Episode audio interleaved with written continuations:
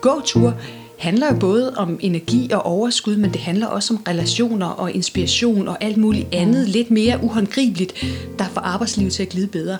Og det at få lavet noget, er jo også en måde at være glad på arbejde på. Det er torsdag i januar. Hos de to teams i Nordea Operations i Høje Tostrup er kontoret tyndt befolket.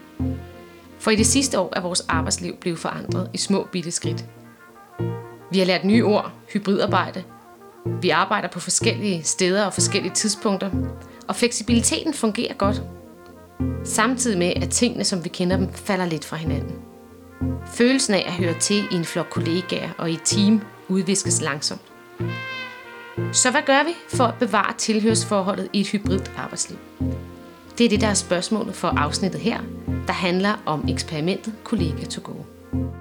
Jeg hedder Signe Bjørk Jeg er projektleder på Future Work Lab, og med mig her har jeg Eva Bjerg, organisationsanalytiker fra Alexandra Instituttet, og jeg har Pia Hauge, der er selvstændig ledelsesrådgiver og forfatter, forfatter, og begge er eksperter på Future Work Lab-projektet. Velkommen til. Mange tak, Signe. Tak skal du have. Eva, vil du ikke begynde med at forklare, hvad var det egentlig, der var udfordringen i de her to teams øh, i Nordea? Udfordringen i de to teams var øh, særligt øh, i forhold til det store fællesskab. At øh, man i løbet af coronaperioden havde oplevet, at man rakte ud til færre kolleger, og der var færre, der rakte ud til en. At der kun var et par kolleger, man sådan havde samarbejdet med på daglig basis. Så det store fællesskab var udfordret. Samtidig oplevede ledelsen også, at øh, medarbejderne måske blev lidt mere optaget af deres egne opgaver, end det at samarbejde i fællesskab. De havde sådan nogle morgenlige tavlemøder, hvor man egentlig kunne øh, fortælle, hvad man havde af opgaver i løbet af dagen, og byde ind øh, og hjælpe hinanden. Og der oplevede man, at det blev mindre og mindre, det der med at byde ind og hjælpe hinanden. Så tingene, den der fornemmelse af at høre sammen, faldt fald lidt fra hinanden. Ja. Øhm, det var det opdagede, oplevede det her team i Nordea, men øh, er det noget, du ser andre steder? Øh, også som tiden er gået efter coronaepidemien? Altså jeg synes, det er stadigvæk en virkelig relevant problemstilling, og det opleves rigtig mange steder, fordi hjemmearbejdet tager til i omfang i de her år. Der kommer flere og flere digitale møder, og nogle steder står kontorerne halvtomme hen, så det der fællesskab, hvor man øh, lærer hinanden godt at kende, og lige uformelt løber sammen ved kaffemaskinen og får drøftet noget, man faktisk ikke vidste var vigtigt i morges, det er udfordret. Og det går ud over øh, det faglige, altså den faglige og den sociale tilknytning på arbejdspladsen, så det er helt klart en relevant problemstilling for mange.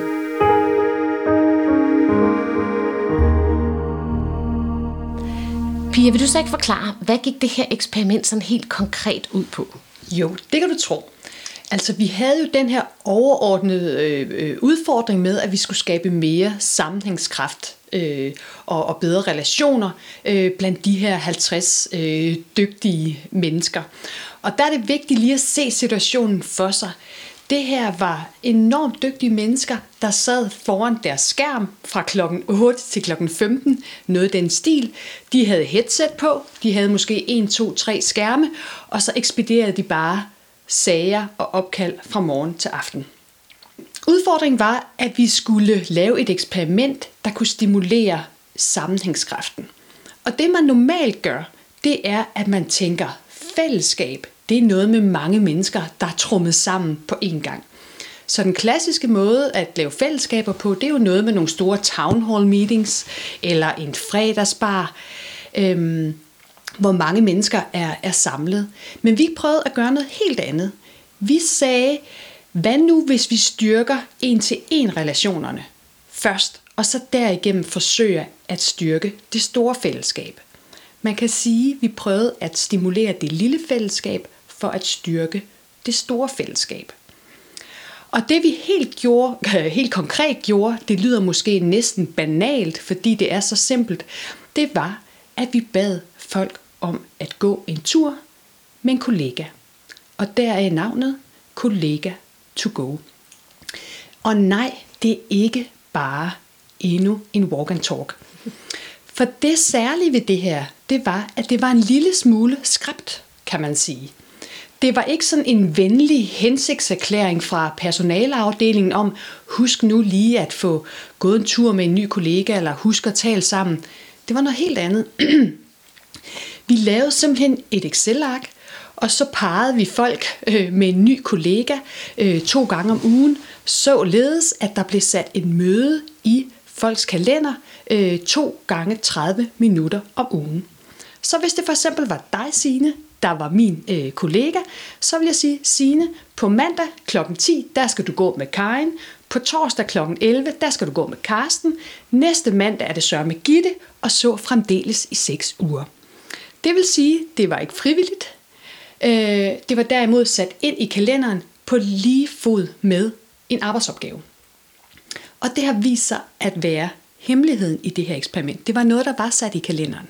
Og øhm, det man har lyst til, når man er sådan en konsulenttype, som mig og Eva og Sissel, øh, der også var med på projektet, så tænker man jo, ej, de skal da have noget ud af den der gåtur. Skal de ikke lige lave mus-samtale samtidig med, eller kunne de ikke lige forberede et møde? Og der må man altså lige øh, hive sig selv i nakken og tænke, nej, det er faktisk ikke det, der er meningen her.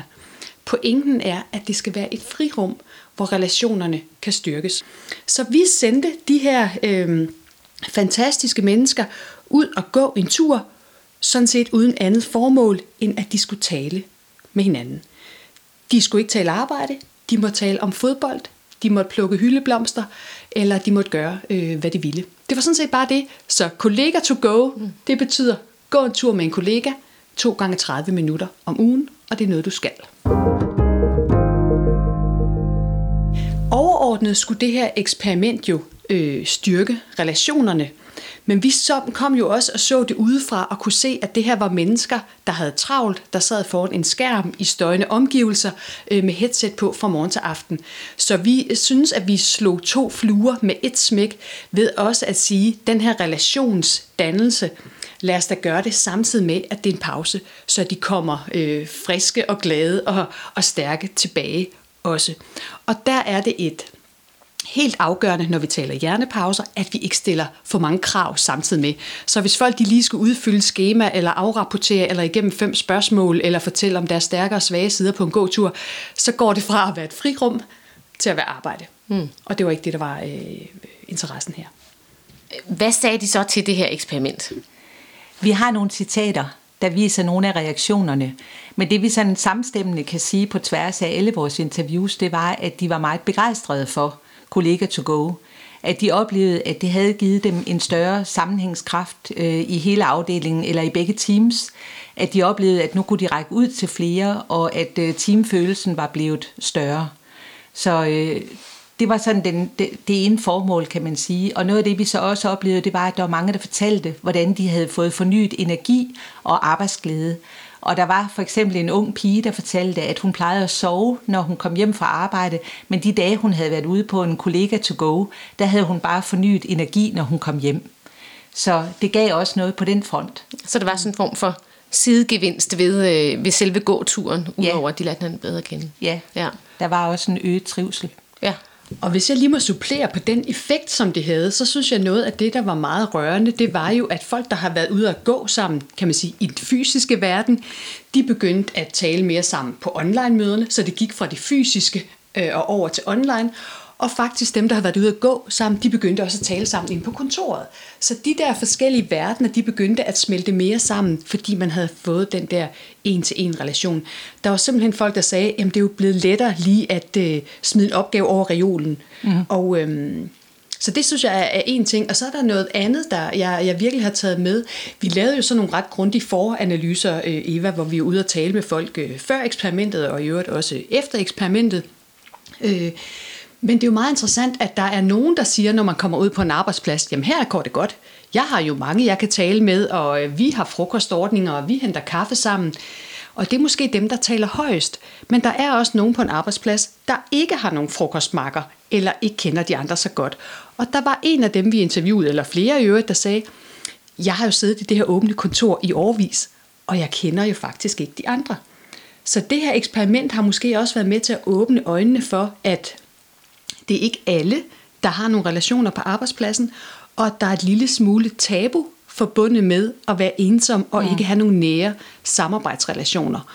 Og det synes jeg er en stor læring i forhold til det her eksperiment, når vi nu taler mental sundhed, at, øh, at nogle gange så skal man lave noget, der er en lille smule mere struktur, struktureret måske for mm. at øh, få alle med, og ikke bare lige spørge ud øh, i plæne om at sige, går det godt her, fordi så dem, der har det godt, de siger, ja tak, det kører, og så er der nogen, der sidder og putter sig lidt, og det er mm. dem, vi har prøvet at øh, få med også i det her eksperiment, ja. og det synes jeg har været sådan en fin ting.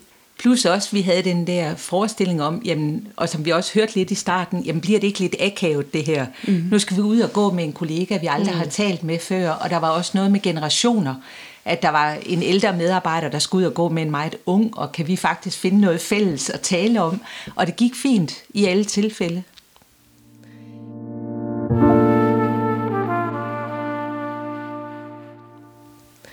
Er der andet, som I sådan tænker, at det her lærte vi øh, af det her eksperiment? Pia? Ja, for det, det man altid hører, når man er ude og mm. fortæller om det her, det er, øh, så er der altid en, der rækker hånden op og siger, jamen øh, det har vi ikke tid til. Ja. Det vælter jo ind med arbejdsopgaver, så vi kan jo ikke fise den af derude på, på grusstierne en time om ugen. Og så er det jo dejligt, at vi kan sige, Eva, at, øh, at øh, dem, der deltog i forsøget i Nordea, de melder, at de nåede øh, det samme, og at de faktisk var overrasket over, at øh, de kunne holde kadencen, fordi de havde så mange arbejdsopgaver i den her periode. Det synes jeg er interessant. Og derudover er det her jo et eksperiment, Kollega to Go, der er blevet kopieret rigtig mange steder, fordi det er så enkelt. Øh, og blandt andet i et øh, forsikringsselskab, der jo har øh, kopieret det, hvor de kunne se, at selvom, eller netop fordi, folk var ude at gå en tur to gange 30 minutter om ugen, så steg deres produktivitet med 4,4 øh, procentpoint. Og derudover så steg kundetilfredsheden også. Og det synes jeg ikke er underligt mm. med vores viden, for det handler dels om, at folk har fået en pause, de er blevet mere friske i hovedet og kan løse deres arbejdsopgaver bedre, men det kan også skyldes, at relationerne er blevet bedre. Så hvis man er ved at brænde ind med et eller andet, eller man ikke ved, hvem man skal gå til for at få hjælp, så har man nu fundet ud af, hvem man lige kan gribe fat i. Så de her øh, øh, gåture handler jo både om energi og overskud, men det handler også om relationer og inspiration og alt muligt andet, mm. lidt mere uhåndgribeligt, der får arbejdslivet til at glide bedre. Og det at få lavet noget, er jo også en måde at være glad på arbejde på. Ja, og der kan man jo så også sige, når, når du spørger, hvad lærte vi, Signe, mm. så kan man jo også sige sådan helt konkret i forhold til andre, der kunne tænke sig, eller måske blive inspireret af det her. Så det vi lærte, det var, at det er virkelig vigtigt, at der er den ledelsesmæssige opbakning. At der er tid til det. At det er noget, der bliver prioriteret, og det er noget, der bliver talt om, og det er noget, der bliver bakket op, og det er ikke bare, hvis I har lyst, og hvis det ellers passer ind. Nej, det er faktisk noget, vi prioriterer på linje med alle mulige andre arbejdsopgaver, vi har i vores travle hverdag. Så det er den ene ting. Den anden ting, der er vigtigt, det er også det her med, at det bliver puttet i, kalend- i kalenderen, og at det bliver bredt, et bredt udsnit af medarbejdere, man kommer ud og gå med. Fordi det er jo det, der er med til at styrke fællesskabet, og ikke det, at man bare går med Gitte, som man plejer at gå med, hver gang man har frokostpause. Så det er rigtig vigtigt det her med, at det kommer i kalenderen. Og det, der så også gik op for os, det var, hvor meget energi det havde givet det her med, at det var et frirum at der ikke lige lå alle de her arbejdsopgaver, at nu skal man lige drøfte A, B og C, når man er ude og gå tur. Men det er det, der falder en ind. At man kan tale om naturen, eller de bøger, man interesserer sig for, eller den ferie, man har været på, eller at man er syg. Det er det, er det der er med til at styrke øh, fællesskabet og trivselen. Øh, var lederne egentlig med ude at gå? Det var de ikke. Nej. Men jeg kan da kun anbefale, undskyld, øh, hvis folk vil øh, kopiere eksperimentet, mm. at lederne også er med. For det vi har lært på tværs af stort set alle eksperimenter, det er, at øh, lederne er vigtigere, end de selv tror på den måde. Folk de kigger på deres leder og siger, hvad gør de? Ikke hvad siger de, mm. men hvad gør de? Og de med deres egen adfærd legitimerer de i den grad. Så jeg vil anbefale, at lederne smækker der i deres egen kalender og også øh, går ud. Og man kan jo også, når nu vi taler om det, gå sammen på flere måder. Og det kunne man jo også tænke over i, netop i forbindelse med det her hybride arbejdsliv. Fordi det vi oplevede i Nordea, det var jo, at der var nogen, der arbejdede hjemme, og der var nogen, der var på kontoret. Og der, der gik de så en tur, mens de talte i telefon. Og det var der også rigtig mange, der havde fået øh, lige så meget ud af, som at gå en fysisk tur sammen.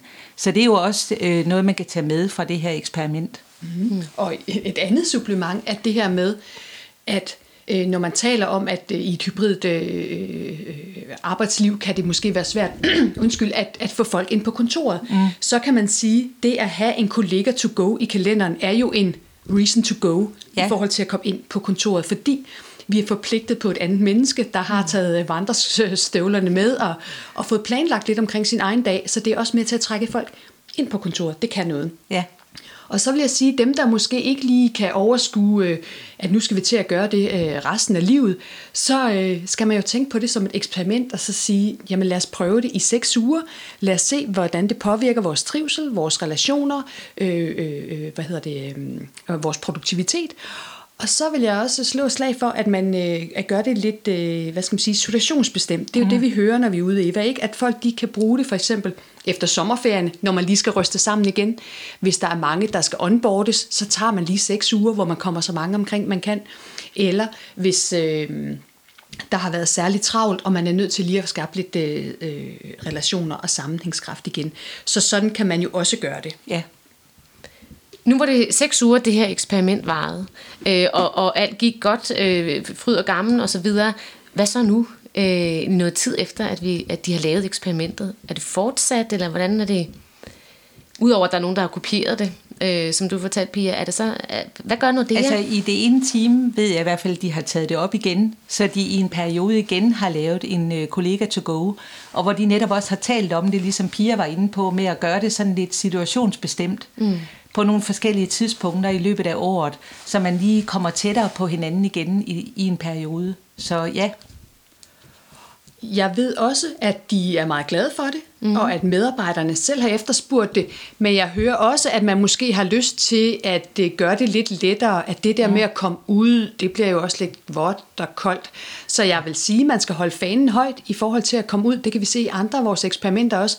Når det bliver lidt mørkt derude, så tænker man, ah, er det ikke nemmere at sidde her ved kaffeautomaten og lave det, jeg kalder nationalpausen? Vi scroller lidt på telefonen og drikker en kop kaffe. Og det er faktisk nu, at man skal gøre det. Mm. Fordi i Danmark sidder vi inden for 90 procent af vores øh, liv, og hvis man ikke kommer udenfor i arbejdstiden i vinterhalvåret, så får man faktisk ikke særlig meget dagslys.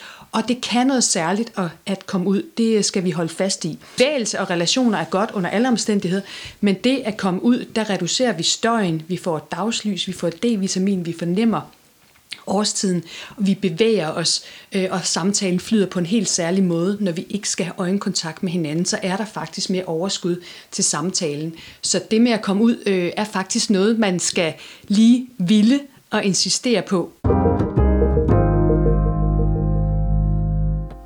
Godt. Var der et eller andet i det her eksperiment, som sådan overraskede jer? Eller er der en eller anden, et godt råd, I vil give til dem, der lytter med og har lyst til at prøve det? Sådan, det her, det er i hvert fald super vigtigt, at, at, at I ikke fraviger det her, eller at I gør sådan her.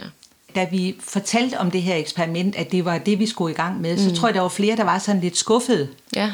Jamen, er det bare en gåtur?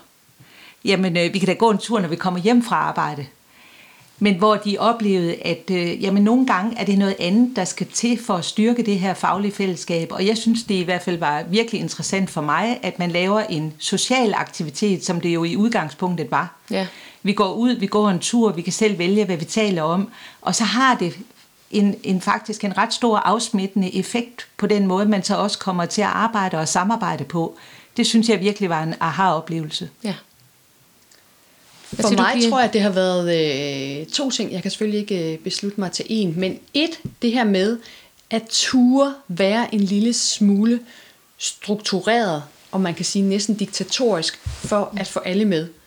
Vi tænker, at vi er venlige og søde, når vi gør alting frivilligt, og, og gør det, når du har tid og lyst. Sandheden er, i et travlt arbejdsliv, når man er pligtopfyldende, opgaverne vælter ind, telefonkøen bliver længere og længere, så er det svært at tage pausen og prioritere både øh, sig selv og gåturen. Og det var noget af det, de efterspurgte inden. De var bange for at sidde ned så meget. De ville gerne have noget mere bevægelse. De ville gerne have noget dagslys. De ville gerne have nogle relationer. Der var så meget, de her mennesker gerne ville, som de nedprioriterede, fordi de var pligtopfyldende, og de ville gerne løse deres arbejdsopgaver. Så at være en lille smule struktureret og firkantet er faktisk også en måde at vise ledelsesmæssig omsorg for sine medarbejdere og hinanden på. Det synes jeg er spændende øh, på en måde. Mm. Og så er det vigtigt at huske, at folk ikke laver mindre, fordi de er ude og gå en tur. Det gør folk mere effektive, og det gør dem gladere. De løser deres arbejdsopgaver bedre og lettere. Det er altså vigtigt, fordi det er den største intuitive udfordring for det her projekt. Tusind tak, Eva og Pia, for at fortælle om øh, Kollega to go, og øh, tak til dig,